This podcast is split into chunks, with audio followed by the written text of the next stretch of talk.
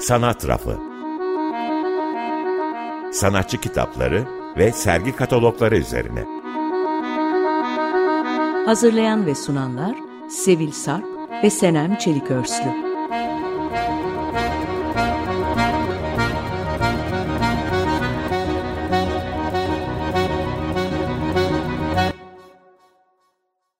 İyi akşamlar, ben Sevil. İyi akşamlar, ben de Senem. Sanat Rafı programında karşınızdayız. 15 ee, günde bir açık dergi kapsamında sizlerleyiz. Ee, bu ikinci bölümümüz. Ee, geçenki buluşmamızda Füsun Onur'un Dikkatli Gözler İçin isimli kitabını konuşmuştuk. Bu hafta ise Halet Enger'in İçerideki Yabancı isimli kitabını ele alacağız kendimizce. Ee, kitap 2007'de Yapı Kredi Yayınları tarafından e, yayımlanıyor. Halet Enger içerideki yabancı Ahu Antman kaleme alıyor kitabı. Ee, kitabın birazcık da arka planından bahsedelim. Ee, yayın bir evvelki bölümde size aktardığımız Türkiye'den sanatçılar hakkında kapsamlı monografilerden oluşan bir kitap dizisinde yer alıyor.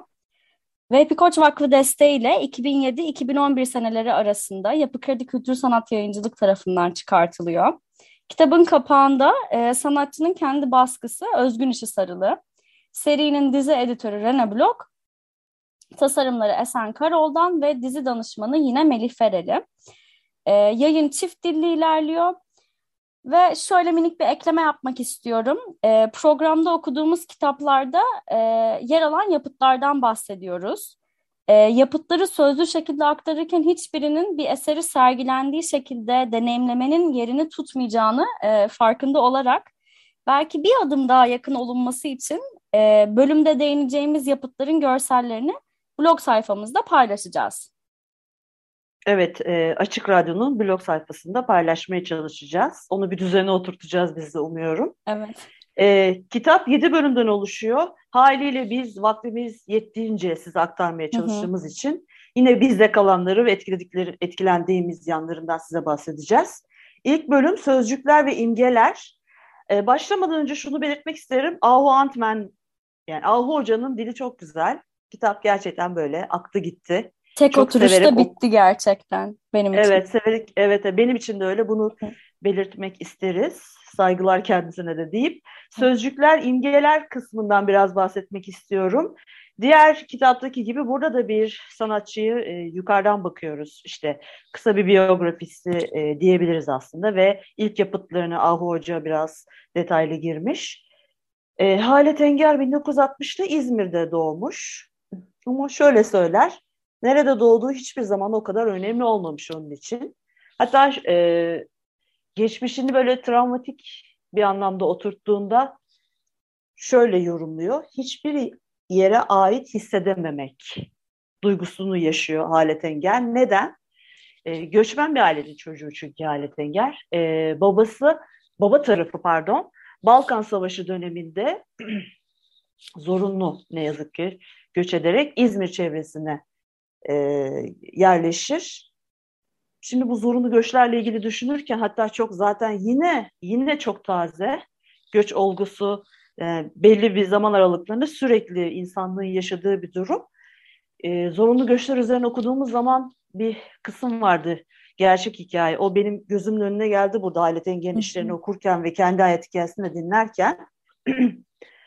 bir aile masada oturuyorlar. Yemeklerini tam yiyecekler. Yani çorbanın üzerine dumanı tüterken işte kapısı çalınır veya ne oluyorsa dışarıda. O insanlar ya sanki biraz sonra eve geri gelecekmişiz gibi yola çıkarlar ama aslında bir daha oraya dönmezler. İşte e, baba tarafı da muhtemelen böyle oldu. Bence ortak e, şey bu, hafıza bu. Anne tarafı da Kahire, Mekke dolaylarında yaşamış ve annesi de 6 yaşındayken o taraflardan Cidde'den İstanbul'a gelmiş. Tengerler e, daha sonra İzmir'de yaşıyorlar. Yani anne baba İzmir'de buluşuyor herhalde. İzmir'de yaşıyorlar. Tenger İzmir'de büyüyor. Hale Tenger. E, İzmirli olmayan bir aileyiz diye kendisini e, ifade eder. İzmir'e onları bağlayan kan bağı değil de şöyle bir şey. O çok hoşuma gitti. Hale Tenger'in babası mimar ve E, baba mimar arkadaşlarıyla beraber bir apartman yapar. Sanki kendilerine böyle bir ait hissedecekleri bir yer yaparlar ve orada yaşarlar. Hani onları oraya bağlayan bu apartman ve belki de çevresidir. E, Halet Enger 60'ta doğuyor. Şimdi bakıyoruz ben nacizane düşündüğüm zaman 80 öncesine şahit oluyor. İlk gençlik dönemi, üniversite yılları. Yani 80 öncesi ve 80 sonrası. 80 öncesi işte aslında dünyada biraz öyle 70'ler öğrenci eylemleri, o siyasi çalkantılar döneminde e, genç Halet Engel. Sonra 12 Eylül geliyor küt diye askeri darbe ve her şey birdenbire bıçak gibi kesiliyor. Sesler bitiyor, acılar başlıyor, yasaklar başlıyor. Ve Tenger bu hani o kesintinin iki öncesi ve sonrasına şahit olmuş bir kişi e, ki ben şimdi kitabı okurken yapıtlarını çok politik buluyorum ve e, bunların onun üzerine çok etkisi, etkisi olduğunu düşünüyorum. Zaten Senem biraz sonra detaylı anlatacak. E, e, bu ikilemler, bu değişimler onları bayağı etkiler. E, Tenger seramik okur, onu söyleyeyim öncelikle. Güzel Sanatlar Akademisi seramik okur. Daha sonra seramik heykel yurt dışında yüksek lisansı yapar. Tenger'in de yine orada bir hocası şunu söyler. Atölyeden dışarı çıkmasını önerir. Yani dışarı bak der. Tenger ondan sonra bir bakar dışarı e, ve klasik e, sanat e, malzemeleri dışında işte dışarıdan ne topladıysa yine detaylara Senem girecek çok fazla tekrar etmeyelim diye. Evet dışarı bakar ve gerçekten e, Türk sanatı için yenilikçi olabilecek işler ortaya çıkarır Tenger diyorum. E, Seneme bırakıyorum sözü. Sanki şimdi Sara biraz da böyle hani onun üretimleriyle ilgili konuşmak Aynen. sanki güzel evet. olacak. Kısaca üretimlerine değineyim ben de. Ee, kitabın arka kapağındaki Ahu Antman'in kısa alıntısına yer vermek güzel olabilir bence burada. Ee, Antman sanatçıdan şu şekilde bahsediyor. Hale Tenger, toplum ve birey ölçeğinde yaşanan ve belli güç ilişkilerini gündeme getiren ikilemlere her zaman ilgi duydu. Bu ilgisini yapıtlarında uygarlığın, ilerlemenin, modernleşmenin evrensel boyutta yarattığı sıkıntıları irdeleyerek yansıttı. Fakat kendi yaşadığı coğrafyanın merceğinden bakmayı da hiç ihmal etmedi. E, alıntı burada bitiyor. E, burada sanatçının üretimlerindeki genel anlamıyla kavramsal yaklaşımı görüyoruz aslında. E, mecra ve kullanılan nesneleri tabii ki de bundan kopartmak imkansız. Ama şöyle bir ekleme yapılabilir belki. E, Tenger'in hep gündelik yaşamın içinden çıkan nesneler, malzemeler biriktirip bunlarla üç boyutlu kompozisyonlar oluşturmasından, kullandığı malzemeleri onları tanımlayan sözcüklerden uzaklaştırmasından ve onlara dolayısıyla bilindiği gibinin ötesinde olmayı yani yeni bir zihinsel gözle bakılabileceğini e, göstermesine değiniliyor kitapta. E, belki burada e, Ahu Antmen'le e, Halet Enger'in söyleşisinden sanatçıyı kendi kelimelerinden dinlemek güzel olur. E, Ahu Antman e, Tenger'e şu şekilde soruyor.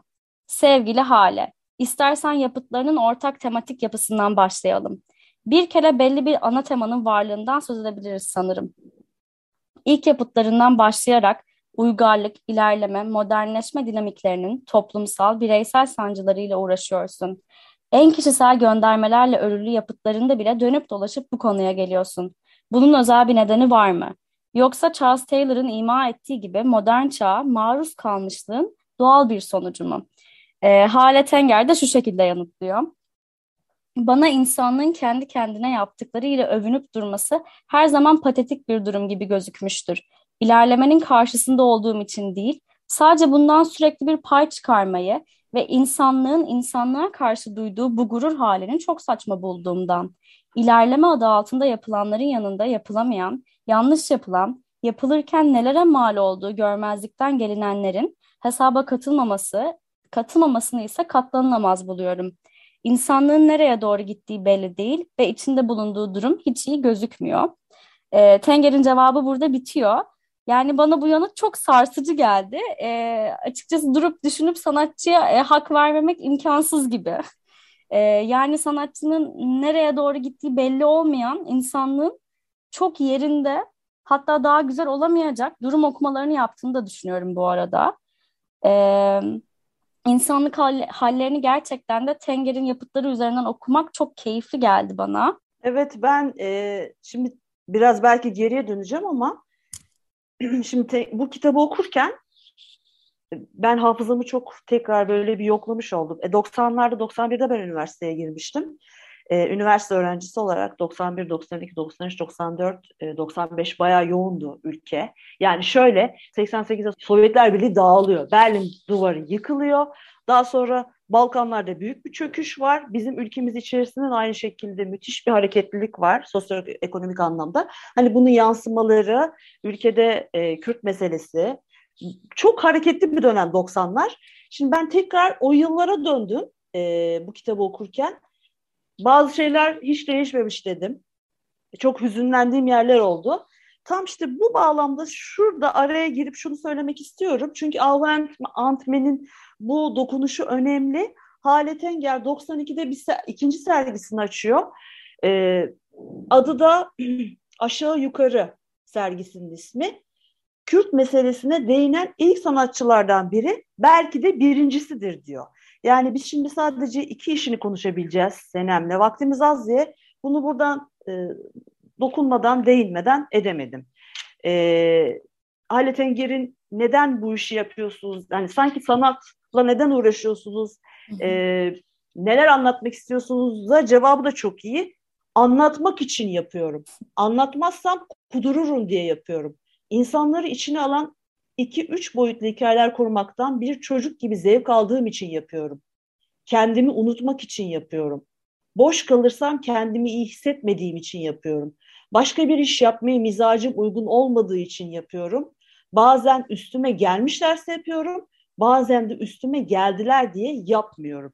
Yani ben Tenger'i 90'larda hiç tanımamışım. Çok üzüldüm. Belki de onun o içeridekiler dışarıdakiler ikilemin, ikileminde ben içeride kalmışım. 90'larda böyle evet sürekli gazetelerden veya tanıklıklardan yaşananları okuyorduk. Tenger o dönem sıcağı sıcağına evet. resmen kaçırmamış ve müthiş e, işler çıkarmış, sergilere dahil olmuş ve ben şimdi 2021'de Tenger'in 90'larda yaptıklarını okuyup vay be diyorum. Halle Tenger'in şimdi biz e, iki işinden konuşacağız demiştik. Hı hı. Benim bu etkileyen diğer bir işi de Nezih Ölüm Gardiyanları Bosna Hersek. Bu da yine 93'te yapmış bu enstalasyonu e, Kadın Eserleri Kütüphanesi'nde. Yani inanamıyorum o dönemler dolaştığım yerlerde ve ben bunu kaçırmışım. Kadın Eserleri Kütüphanesi çok severim çünkü. Kısmet diyelim. E, bu sergide şöyle özel. Bosna Hersek Savaşı malum.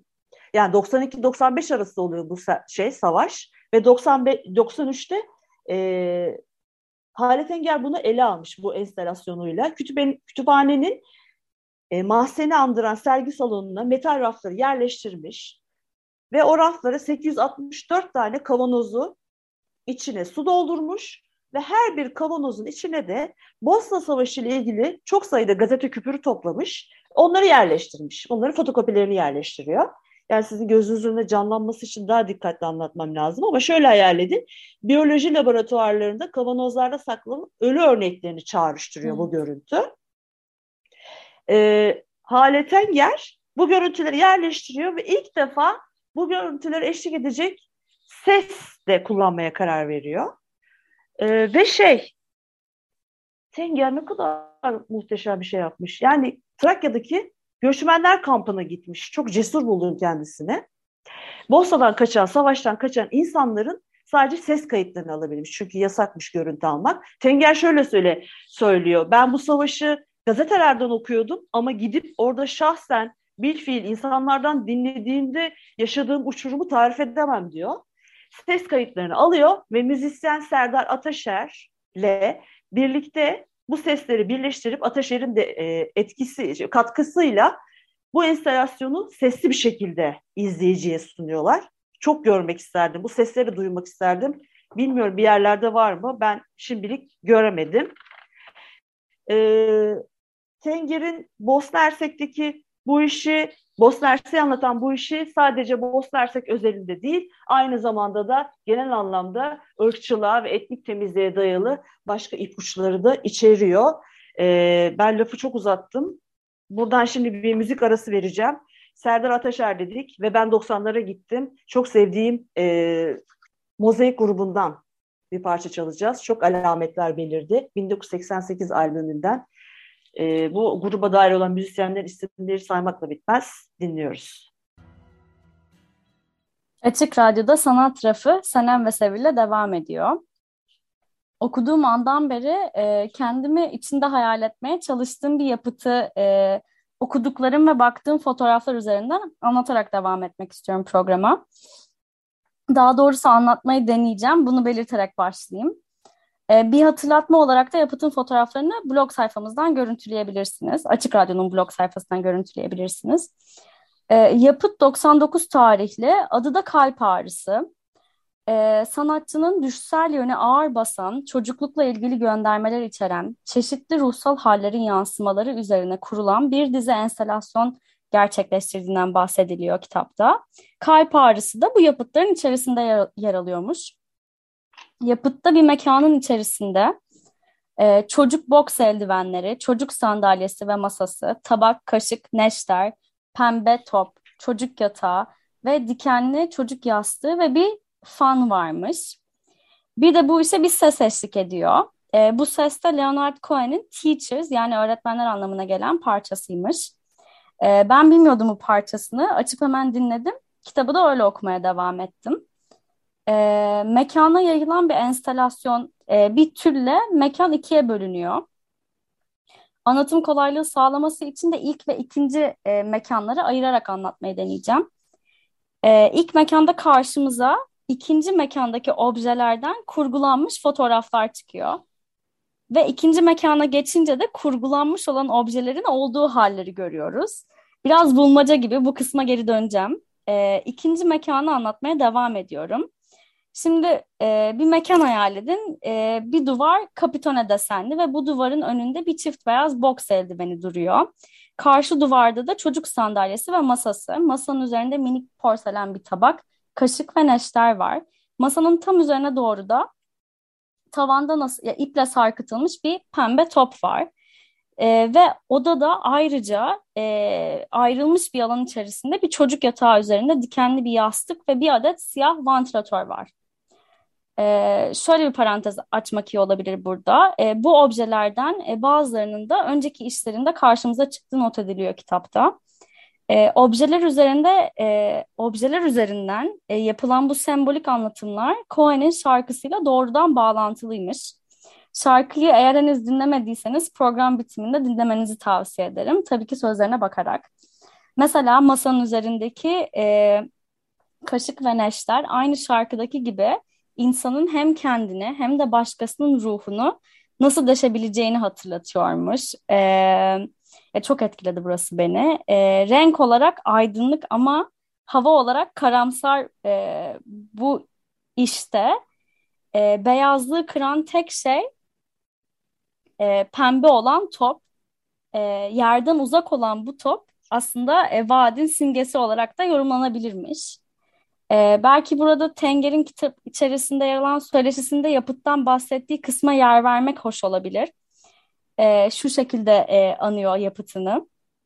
Kalp ağrısı ise diğerlerinden çok daha derin varoluşsal bir güce, hayatın insana karşı olan, onu sürekli sınayan, yıpratan gücüne ve bu durum karşısındaki insanın sürekli okullu olma haline, bu durumun içinde hapsolmuşluğuna dair. Alıntı burada bitiyor. Ee, pek çok katmanı olan bu iş içerisinde, ya önceden bahsettiğim gibi ikinci odaya girmeden öndeki alanda odanın içindeki eserlerle kurgulanmış fotoğraflar var. Yani ilk bölümünden ikinci bölüme geçiş belleğin yanıltıcı doğasını gözler önüne e, seriyor. Yani bir oyun oynanıyor izleyiciye burada. Çünkü sonraki odada göreceğimiz nesnelerin yeri değişmiş vaziyette aslında o fotoğraflarla farklı yani. Yani bilmiyorum e, çocukluk temasıyla bana tüyler ürpertici bir bağ kurulmuş gibi geldi. Ee, yani bazı anıları nasıl ve neden kurguladığımızı veya aklımızda nasıl ve neden öyle kaldığını sorgulatarak belleğimizin bize sıkça oynadığı bu oyunu sanatçı bu sefer tüm çıplaklığıyla sergi alanında somutlaşmış şekilde karşımıza çıkarıyor. Ee, insanlığın sürekli sınandığı bu yıpratıcı gücü, çocukluğu ve belleği böyle bir hikaye içerisinde görmek ya bana hem çok yalın hem de çok çarpıcı geldi. Ee, metaforların yalınlığı ise sadece işaret ettikleri kavramların hayatlarımıza ne kadar derinden işlediğini yeniden hatırlatıyor bence hepimize. Bilemiyorum. İkimizi de bayağı etkiledi Tenger'in işleri. Evet bayağı. Bayağı derinden hem de. Bayağı derinden etkiledi. Ee, süre de çabucak geçiyor. Bu yüzden biz galiba kapanışa doğru yol alırken e, bu kitabı nereden erişebileceklerini izleyicilerimize söylemek istiyorum. Hı hı. Saltın Kütüphanesi'nden, İstanbul Modern'in kütüphanesinden, İstanbul Araştırmaları Enstitüsü'nün kütüphanesinden, Yapı Kredi Araştırma Kütüphanesi ve Arter Kütüphanesi'nden kitaba ulaşabilirsiniz diyorum ve 2 Aralık Perşembe günü saat 19'da buluşmak üzere diyorum. İyi akşamlar. İyi akşamlar.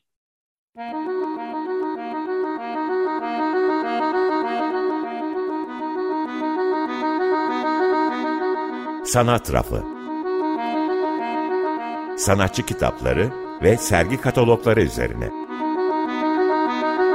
Hazırlayan ve sunanlar Sevil Sarp ve Senem Çelikörslü.